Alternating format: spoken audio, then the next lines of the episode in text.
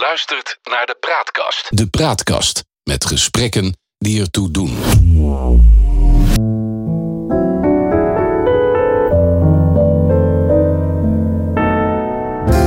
Welkom bij de Praatkast.nl. Dit is een aflevering van het Geheugenpaleis. Mijn naam is John Knerim en samen met Han van der Horst maken we deze podcast. De geschiedenis die herhaalt zich nooit, maar rijmen doet hij vaak wel. En in het Geheugenpaleis gebruiken we dat gegeven om dieper in te gaan op de actualiteit. Zo gaan we aan de waan van de dag voorbij en bereiken we de kern van het nieuws. We scheppen orde in een maalstroom van berichten die het zicht op de grote lijn belemmeren. We ontdekken wat werkelijk belangrijk is en tussen beiden blijkt dat de werkelijkheid vaak genoeg elke fantasie te boven gaat. Het seksueel wangedrag bij The Voice houdt de gemoederen bezig. Nadat in 2017 de MeToo-beweging opkwam, wordt er steeds vaker ergens een beerpunt van seksueel misbruik opengetrokken. De katholieke kerk, sportscoaches, CEO's, regisseurs, kunstbobo's. De lijst lijkt oneindig lang.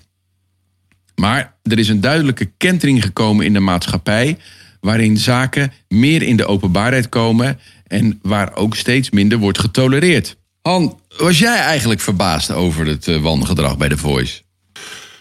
Nou ja, over het wangedrag zelf was ik eh, niet zo verbaasd. Want ik kan me voorstellen dat dat voorkomt in eh, dit soort omstandigheden. Ik zal verderop in deze podcast wel eens uitleggen waarom ik dat denk. Uh, maar wat wel opvallend is, is de enorme ophef die er is ontstaan. De kwestie rond de Voice heeft dagenlang het nieuws beheerst. En dat op hetzelfde moment dat eh, Nederland. Eh, aan het nadenken was op het loslaten van de meeste coronamaatregelen. En terwijl er een heel groot uh, probleem buitenslands is in de Oekraïne. Daar heeft niemand belangstelling voor gehad, maar wel voor uh, de dader van uh, Ali B en consorten. Het was ook wel iets waar we op zaten te wachten na het hele corona gebeuren, leek, leek het wel. Dat zou wel kunnen. Een, eh, een goed schandaal is uh, altijd uh, nuttig uh, als een land in een noodsituatie verkeert. Maar wat mij opvalt, echt opvalt, dat is het volgende: dat is de aard van de woede. De aard van de woede heeft niet te maken met de handelingen zelf, of met de zoentjes, of met de aanrakingen, maar om het machtsverschil tussen zeg maar eh, de dader en het slachtoffer. Het is duidelijk geworden dat als jij macht hebt over iemand anders, dat je dan heel erg voorzichtig moet zijn met uh, complimenten die als uh, seksuele toenadering kunnen worden opgevat en met aanrakingen. Als je de nieuwe wet leest, die uh, door minister Grapperhaus, of liever gezegd onder regie van minister Grapperhaus, is opgesteld en die in 2024 wordt ingevoerd. Als je die nieuwe wet leest tegen seksueel misbruik gericht als die is, dan zie je dat het daar ook heel sterk gaat over machtsmisbruik. Ja. Je mag geen mensen, geen ondergeschikte seksueel benaderen. Daar komt het in feite op neer. En dan moet je denken aan uh, uh, meester-leerling, maar ook aan chef ondergeschikt. En dat wordt vrij precies in die, uh, in die nieuwe wet tot uitdrukking gebracht. En ja. dat is nieuw. Ja, het, dit is volledig voorbij gegaan aan, aan John de Mol in, in, in zeg maar zijn interview wat hij had met, met Hofman bij Boos. Wat vond jij van zijn optreden? Ja, um, ik was daar toch niet zo verschrikkelijk boos en uh, verontwaardigd over. Nee. Hij, hij legde namelijk de vinger wel op een wonde plek, maar dat deed hij op een verkeerde manier. Hij zei dat de slachtoffers te weinig naar voren kwamen. En het antwoord van de slachtoffers dan is: in jouw bedrijf is daarvoor ook geen gelegenheid. Want je ja. moet daarmee daarover kunnen praten met mensen die je kunt vertrouwen. En je moet er zeker van zijn dat je niet voor leugenaar wordt weggezet, dat het niet wordt gebagatelliseerd en dat het je je carrière niet kost. Ja. En daarvoor heeft John de Mol nooit een faciliteit ingericht. Er is wel een vertrouwenspersoon in zijn bedrijf, maar daar kunnen alleen personeelsleden terecht en niet allerlei freelancers die ook voor hem werken en zeker niet de kandidaten in zijn shows. Dus dat is een enorme omissie. Ja. Hij heeft dat ook wel toegegeven. Maar vond jij, vond jij niet dat, dat daar eigenlijk iemand zat die zich vanuit zijn, zijn persoonlijkheid volstrekt niet kon voorstellen dat je als man dit soort dingen zou doen? Dat was een beetje de indruk die ik zelf kreeg. Nou, ik kreeg eerder de indruk ook dat hij dacht: hier gaat mijn zaak vanuit de donder. En dat is het Oh. probleem. En ik weet ook bijna zeker dat toen die zwager Jeroen Rietberger on, Oh, ja. eh, onder handen nam, dat het daarover vooral ging. Van ben je helemaal gek geworden, jij? Op deze manier gaat ons programma te gronden. En denk je dat hij dan wat minder begaan is met de kandidaten? Eh, het lijkt mij niet iemand die met wie dan ook begaan is, om je de waarheid te zeggen. Het is een, eh, een heel strakke, rationele man die eh, in alle opzichten en in de eerste plaats de zakenman is. Misschien niet thuis in zijn gezin, maar daarbuiten zeker. Ja. Dus dan zag hij het meer als een soort bedreiging van, van zijn onderneming. Dat Aan de andere ik kant, wel. ik, ik, ik, ik had toch, ja, dat was de indruk die ik kreeg.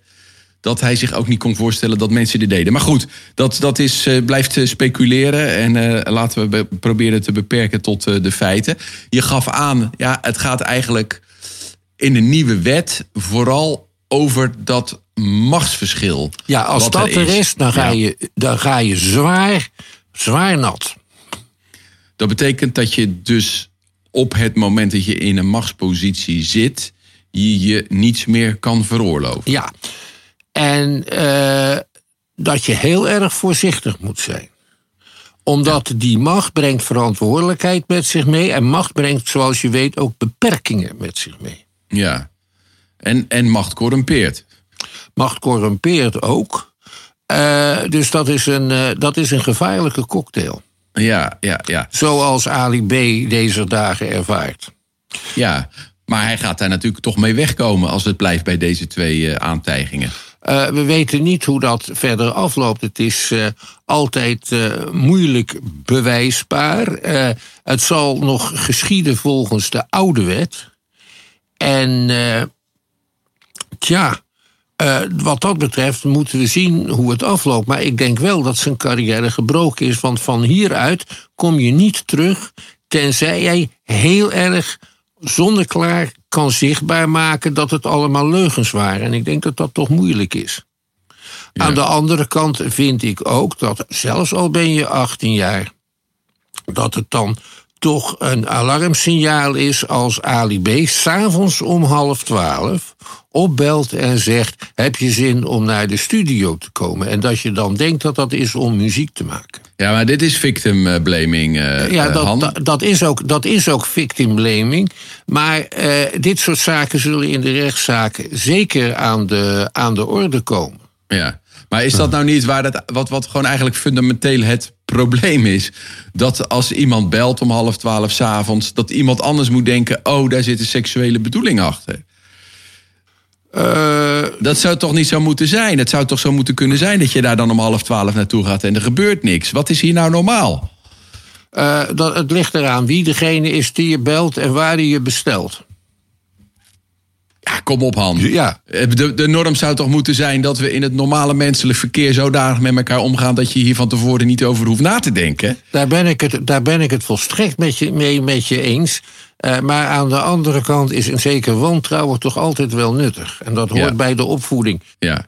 ja, dus aan de ene kant hè, is het inderdaad van eh, eh, waarschuw je dochter. En aan de andere kant is het ook zo van voed je zoon op. Dat is zeker ook zo. Voed Ja. je zoon op. Ehm, en dan zullen we kijken in hoeverre eh, die normen dan doorgang vinden. Want die, in, in de, het opvoeden van die zoon is een belangrijk aspect dat niet eh, onbesproken mag blijven. En dat is het volgende. Je moet het zelf niet doen. Maar B, en dat is misschien wel belangrijker, als je het ziet gebeuren, moet je er wat van zeggen. Ja, dat is het tweede element daarin. Natuurlijk wat, wat het handhaven van de norm ook in je omgeving. Ja. Nou is het zo dat, dat dit een ontwikkeling is die zich eigenlijk de afgelopen jaren heeft uh, uh, voorgedaan. Want nog niet zo lang geleden waren dit soort dingen eigenlijk veel minder een probleem. Laten we eens teruggaan naar de zestiger jaren. Dat was toch de tijd hè, na de Tweede Wereldoorlog. De opkomst van de vrije seksuele moraal. De pil die vrijelijk beschikbaar werd. En met name de babyboomers die er nogal op los neukten met iedereen. toen golden wat andere normen, denk ik. Ja, nou dat ligt eraan. Dat uh, geldt voor, uh, voor bepaalde kringen. Ja. Ik ben uh, in die jaren aan de universiteit gaan studeren. En ik ben een paar jaar werkstudent. Of werkstudent, ik ben spoorstudent geweest. Werkstudent ook, maar dat is wat anders.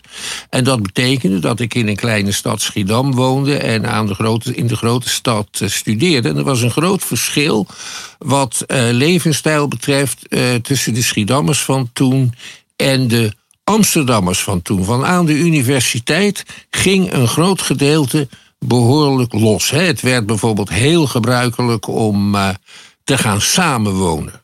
Zonder ja. dat je trouwde. Dat was in het begin van de jaren zestig nog volstrekt not done.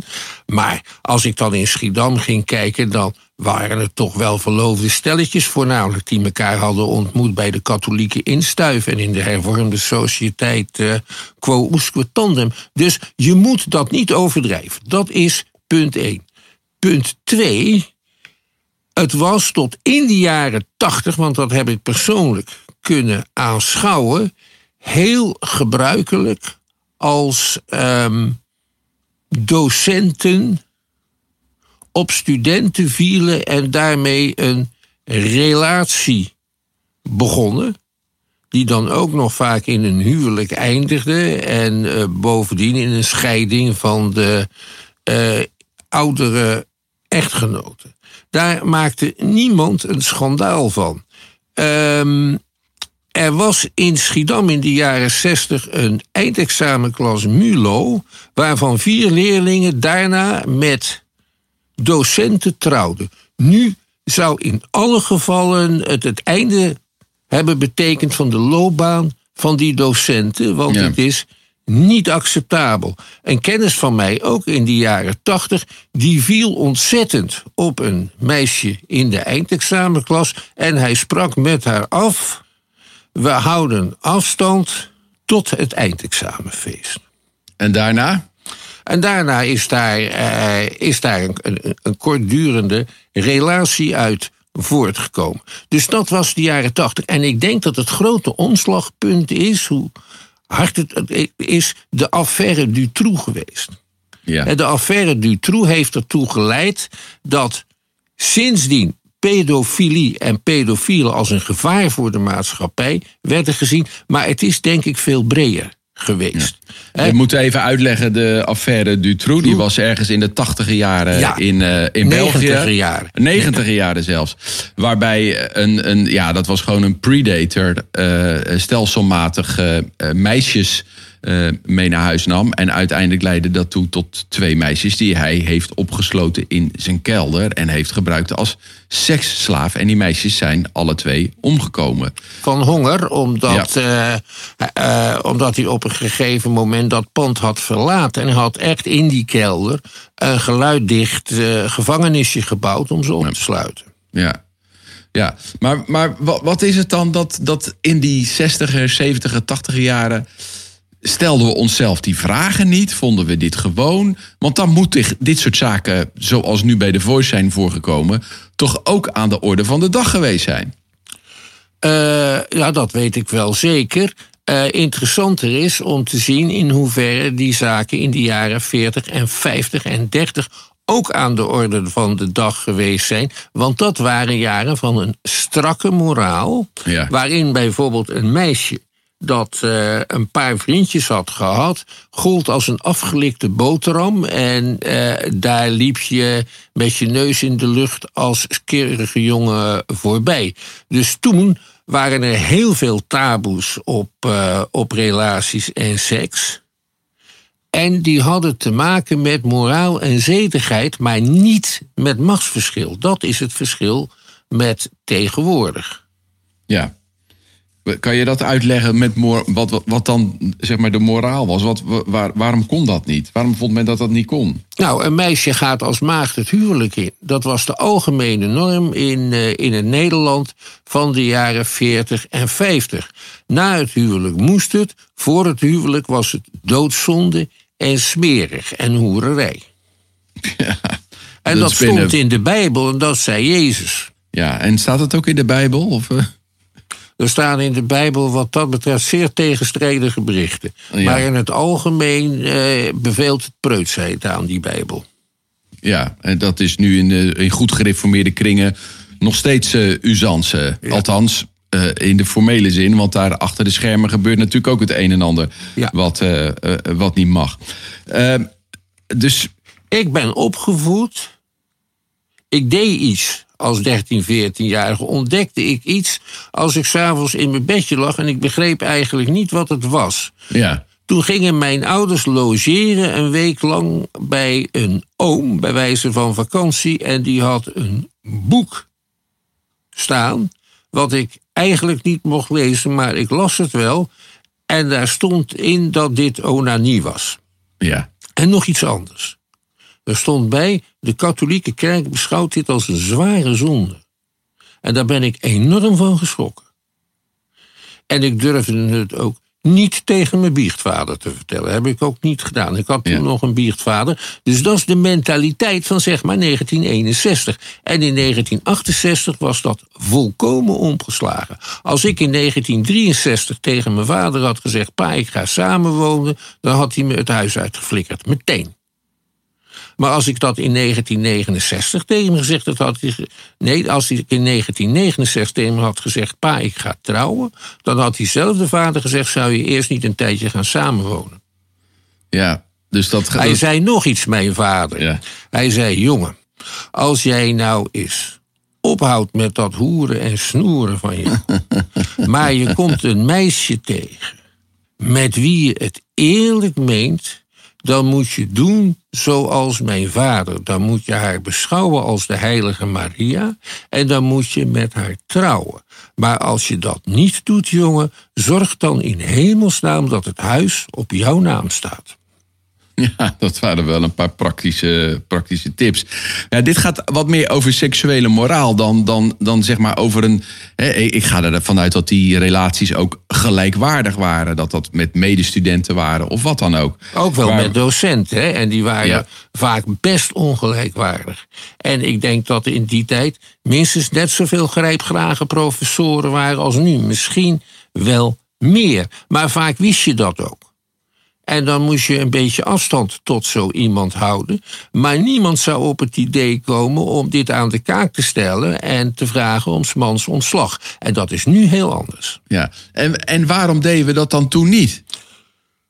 Omdat we dat verhaal van het machtsverschil niet kenden, niet gebruikten. Dat is een beetje begonnen bij eh, de, tweede de tweede feministische golf aan het begin van de jaren zeventig. Maar de concrete gevolgen zien wij pas, denk ik, na de schok van de affaire Dutroux. Ja, dus dat heeft dan heel lang geduurd voordat zeg maar, die strijd van de, van de feministen in de 70 jaren. Baas in eigen buik, eh, eh, zorgen dat ze eh, eh, zelf konden besluiten over de dingen die ze wilden. Dat Ja. het niet meer zo was dat de man eh, de baas was. Ja. Dat heeft dan toch nog wel een jaar of bijna 50 jaar geduurd. Ja, dat, die, dit soort ontwikkelingen duren heel lang. Ja. En dan staan we nu eigenlijk aan de vooravond van dat het ook in wetgeving vastgelegd gaat, gaat worden. Als we nou eens heel lang teruggaan naar de tijd van Adam en Eva. Toen was het volgens mij zo dat vooral gedacht werd dat de vrouw het seksuele wezen was, eh, dat het, wa- eh, eh, waaraan alles te wijten was. Ehm, ja, maar daar weten we eigenlijk niet zoveel van. We beginnen daarvan pas te weten als mensen dingen op gaan schrijven. En dan heb je te maken met landbouwbeschavingen en veeteelbeschavingen en families en erfenissen. Ja, En het is belangrijk dat je kinderen de erfenis krijgen. En dat niet alleen, maar dat dat ook jouw kinderen zijn die jij hebt verwekt. En er is maar één manier om dat veilig te stellen. En dat is je vrouwen en je dochters controleren, zodat alleen jij toegang tot ze hebt. En dat kan vrij extreme vormen aannemen, zoals je bijvoorbeeld nu nog ziet in Saoedi-Arabië of in Afghanistan. Ja, maar dan zeg je dat is vanuit een, uit een materialistisch oogpunt Ik- is ja, deze weg gekozen. Ja, daar zijn normen voor en Ja. waarden die meestal uit, de- vrij, nee, vrijwel altijd uit de godsdienstige hoek komen. En die te maken hebben met zedigheid en kuisheid. Ja. Maar het gaat puur om de centen. Ja. De, altijd eerst komt als fressen, dan komt die moraal. Eh, eh, de, eh, maar dat betekent dat voor die tijd er een soort losbandigheid was in Dat onze weet, ogen. ik, dat weet ik niet, want ik heb geen tijdmachine. Nee, maar goed, de, de, een beetje een flauwe opmerking. Je- nee, maar je- dat is, dat dat- is geen flauwe opmerking. Nee. Dat is echt waar. Kijk, je hebt jagers- en verzamelaars samenlevingen gehad. Ja. Het grootste deel van het bestaan van de mensheid. En we vinden van alles in de grond. Ja. Eh, wat voor werktuigen gebruiken ze? Wat aten ze? Maar juist over dit soort dingen eh, blijft het bij speculeren. Ja, omdat we daar geen, geen bewijs Ja, van ja. hebben. Maar we weten wel dat zeg maar, bij de opkomst eh, van, eh, eh, eh, van zeg je maar, maar meer geontwikkelde maatschappijen. en het ook vast kunnen leggen in het schrift. dat dit soort ontwikkelingen er waren. Heb Ja, je niet een paar. en ook trouwens dat machtige mannen, machtige mannen, een verzameling vrouwen kunnen aanleggen. Heb je daar voorbeelden van? Nou, de farao's van Egypte bijvoorbeeld. Hè? En de, de koningen van het midden, de grote koningen van het Midden-Oosten, de sultan van Turkije, die hadden enorme harems. En die vrouwen waren alleen voor de sultan of voor de koning beschikbaar. En waarom kon hij dat doen? Omdat hij rijk was en omdat hij machtig was. En de andere mannen die arm waren, die hadden het nakijken en mochten blij zijn als zij er één vrouw op na konden houden. Ja. Ja. En, en zou dat ook betekenen dat mensen die zeg maar, in een machtige positie waren. ook in die eeuwen die daarna kwamen. ja, wat makkelijker zich dit gedrag konden veroorloven. en dat Ja. het ook getolereerd werd. Ook door degene die het leidend voorwerp was. Eh, zeker, het was bijvoorbeeld toch wel eh, heel voordelig om maîtresse te zijn van de koning. Van Lodewijk XIV bijvoorbeeld, of van Ja. Lodewijk XV. Al die koningen die hadden maîtresses en vriendinnetjes bij de vleet. Als koning Lodewijk XV geen vaste maîtresse had... eh, dan werden hem een paar keer per week meisjes aangeleverd. Eh, die ontving hij dan in een speciaal klein eh, buitenhuis in de tuin van Versailles. En die meisjes kregen daarna een bruidschat mee en er werd een huwelijk geregeld met een nette man. En zo ging dat. En dat vond iedereen normaal en acceptabel. Ik moet nog iets vertellen wat in het verband met de, de Voice belangrijk is. Dat gaat namelijk over showbusiness. En showbusiness, ehm, in de Romeinse tijd golden toneelspelers, acteurs en zangers als infaam. En infaam betekent dat je eh, geen recht hebt op lichamelijke in- integriteit. Ja. En theater en muziek heeft altijd erg in het teken gestaan van seks en erotiek en schoonheid. En ook dat speelt een rol eh, bij de interne omgang met eh, van de regisseurs, de acteurs, de zangers. En nog een detail, dat is tot het begin van de 20e eeuw moesten actrices in de kermis, eh, als, als, als er toneelstukken werden opgevoerd in tenten op de kermis, dat was heel belangrijk overigens voor alle acteurs om aan de kost te komen, dan moesten die tijdens de voorstelling mansen, net als orgeldraaiers, en dan begaven zij zich tussen het publiek. En je begrijpt natuurlijk wat er dan gebeurde. En toen er in het begin van de 20e eeuw een soort vakbondsachtige beweging kwam onder acteurs en actrices, was ook een van de eerste eisen om dat mansen af te schaffen. Ja, mansen betekent rondgaan met het centenbakje om, om ja, ja. geld te verzamelen. Ja. Ja. Met andere woorden, dat, dat het, het speelde toen eigenlijk, ja, was het een onderdeel van, van de maatschappij en de cultuur. En Ja. niemand vond dat gek. Ja, eh, en eh, dus, dus actrices die werden ook zeker ook door allerlei rijke lieden belaagd. Hè. Je komt dat in oude Hollywoodfilms ook wel tegen. Dat zich Ja. een rijke man eh, meldt met hele dure bloemen. En dat wordt dan eh, op een heel leuke en, en prettige manier wordt dat in beeld gebracht, uiteraard. Eh, maar daar zat toch vaak in de echte werkelijkheid heel veel drang achter. Ja. En ook misschien wel van de regisseur of de leider van het gezelschap om niet te moeilijk te doen. Ja.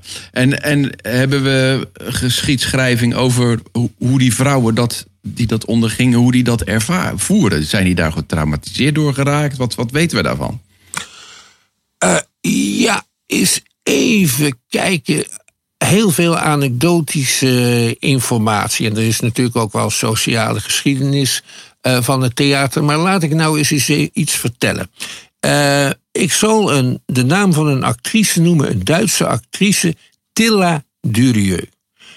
Heel mooi. Het is eigenlijk een Oostenrijkse actrice, moet ik zeggen. Maar ze maakte haar carrière in Duitsland. In 1911 toen was er nog de kans dat de politiecommissaris je toneel, jouw toneelstuk verbood omdat het onzedig was of gevaarlijk. En de man die dat toen moest doen was iemand met de, eh, met de prachtige naam Treugot von Ja- Jago, de politiecommissaris in Berlijn. En die wilde een bepaald toneelstuk wel toestaan als Tilla Durieux, de hoofdrolspeelster, hem ter wille zou willen zijn. Ja. Maar Von Jagov, ondanks dat hij politiecommissaris was, eh, die had niet nagegaan wie die Tilla Durieux precies was. En zij wist niet dat, hij, hij wist niet dat zij getrouwd was met een meneer Paul Cassierer, dat een heel belangrijke uitgever in Berlijn, beroemd om zijn kunstboeken. En die daagde Jagov onmiddellijk uit voor een duel. Dus hij daagde hem uit voor een duel. Dat zou natuurlijk een enorm schandaal hebben opgeleverd. Dus ging de bel bij uitge de uitgeverij van Kassieren. Er kwam een hoge officier binnen en die zei: Ik ben een vriend van eh, hoofdcommissaris eh, van Diagov. En door mijn mond wil hij u wel zijn excuses aanbieden. Oké. Want Tilla was getrouwd. Ja? Ja. En toen heeft Kassierer dat aanvaard. Moet je nagaan, die man is nog te laf dat hij zelf komt. Hij stuurt een vriend. En Kassierer aanvaardt die excuses. En toen is het toch in de openbaarheid gebracht door een eh, andere schrijver. En is het een groot schandaal geworden, maar dat heeft de carrière van Jacob op geen enkele wijze geschaad. Tja. Maar je ziet, dit gaat over macht, hè, ook. Ja. Ja. Ja. Ja? Ja. Ja. ja. Bijzonder eh, dat dat zo liep natuurlijk dan. eh, maar en- ja, en- dit was keurig. Dat hadden ze keurig afgehandeld, vond iedereen. Behalve die, die, die schrijver en journalist Alfred Kern. Die heeft daar smakelijke stukken over schreef. Ja, ja, ja, ja. En toen is Kassieren juist heel boos op hem geworden. Ja. Ja. Nou ja, er zijn natuurlijk tal van dit soort eh, verhalen in, in, in de, de geschiedenis. Ja. Waarbij hij iemand in, de, in een machtspositie, wat we tegenwoordig zouden noemen, eh, misbruik maakt. We, staan, we staan nu waar we nu staan, zeg maar. Hè? Dus, dus dan komt, dan, dan komt zo'n affaire eh, op. Ehm, wat zou nou de volgende stap kunnen, kunnen zijn? Want ik heb toch niet de indruk dat, dat dit ooit gaat verdwijnen. Nee, maar de volgende stap is inderdaad normering. Dat betekent dat elk bedrijf hierover eh, regels nodig heeft. En die regels lijken mij eh, vrij eenvoudig. Eh, je slaat geen vuile taal uit en de collega's blijven van elkaar af. Ja, En voor de rest, en voor de rest niks. Dat is het wel ongeveer. En verder heeft elk bedrijf een vertrouwenspersoon nodig waar je terecht kan. en daarmee hebben we het probleem dan opgelost.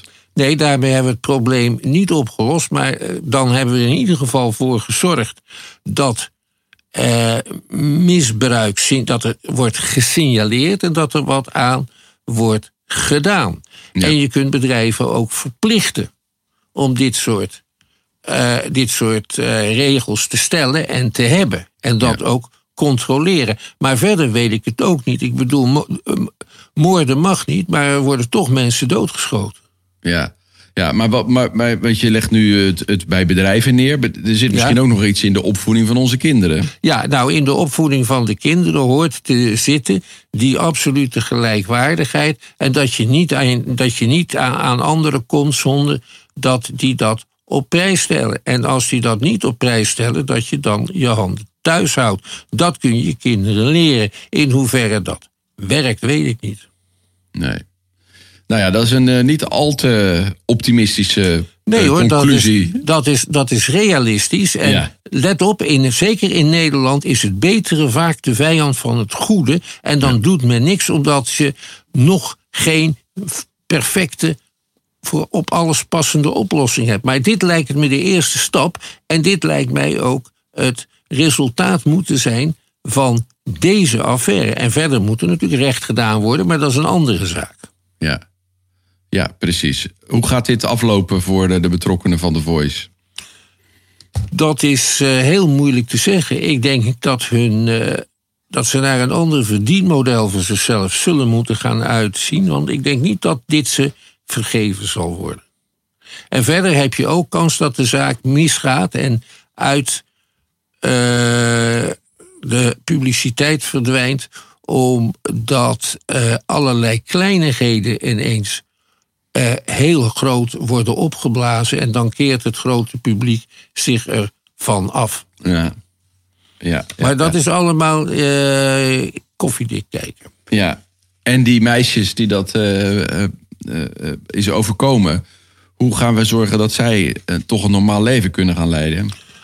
Ehm, nou, dat, ik, ben, ik, ik denk dat we op het moment er vooral voor aan het zorgen zijn dat ze dat leven niet kunnen gaan leiden. Want hen wordt aan alle kanten door sympathisanten voorgehouden wat een verschrikkelijke slachtoffers ze wel niet zijn.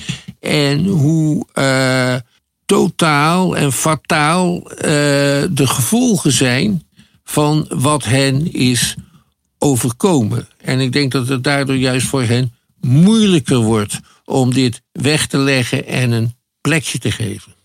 Maar wat stel jij dan voor? Eh, ik weet het niet. Het, je moet die, die vrouw eh, die hier van het slachtoffer zijn, steeds blijven voor, volhouden. A, dat het hun schuld niet is. En B, dat het erg vervelend was, eh, maar dat je er heel goed mee kunt leven. Dat, Ja. dat klinkt nu als een opmerking die me uit zijn verband gerukt op grote probleem, die in grote problemen zou, eh, zou kunnen brengen. Maar het is natuurlijk wel zo. Je moet proberen zo'n zo'n trauma in zijn ware proporties te zien. En er, anders kun je nooit leren eh, mee te leven. Ja. Anders Ja, ja. zal je denken dat je verder voor het ongeluk geboren bent, omdat dat je is overkomen. En dat je nooit een, iemand anders meer zult willen aanraken of daarvan een aanraking wilt dulden, omdat dat je is overkomen. Die vrouwen, dat is denk ik de beste manier om het te formuleren, die hier van het slachtoffer zijn. En de mannen, die moeten ophouden met zichzelf zo te straffen. Nou ja, dat maar is dat is werk. makkelijker gezegd dan gedaan. Precies. Veel werk voor de, de psychologen. En het zou goed zijn als daar eh, in ieder geval heel veel ruimte voor beschikbaar is. Zodat die mensen ook daadwerkelijk psychologisch geholpen kunnen worden. Nou, we gaan het zien eh, de komende maanden. Deze affaire zal ongetwijfeld weg ebben en weer overheerst gaan worden door een volgende affaire. Want het lijkt me een illusie om te denken dat we hier de komende 20, 30 jaar ooit van afkomen. Nou ja, tot zover deze aflevering van het Geheugenpaleis. We maken dit in samenwerking met de Praatkast. Abonneer je op onze podcast in je favoriete podcast-app... dan krijg je automatisch een bericht wanneer de nieuwe aflevering online komt. Vertel je vrienden over ons en laat ook een beoordeling achter... zodat we nog beter gevonden worden. Eh, luister ook eens naar een andere podcast bij de Praatkast. Bijvoorbeeld Nu is Later. Ben je geworden wat je wilde worden en waar wil je nu heen? Victor interviewt daarin mensen. En Victor is gek op mensen. Mensen met hun verhaal. Voor jou vaak hele bekende mensen. Helden in hun vakgebied. Maar wie zijn ze als mens? Hoe gaan ze om met stress en onzekerheid? En wie en wat was belangrijk in de jeugd? Waar zij, geloven zij in? En wat zijn hun overtuigingen? Met 35 jaar interviewervaring vraagt Victor Chevalier door waar anderen stoppen. Nu te beluisteren op depraatkast.nl. Nu is later. En wil je ons mailen, stuur een bericht aan info.praatkast.nl. Voor nu bedankt voor het luisteren en tot de volgende keer. Wees gelukkig, blijf gezond.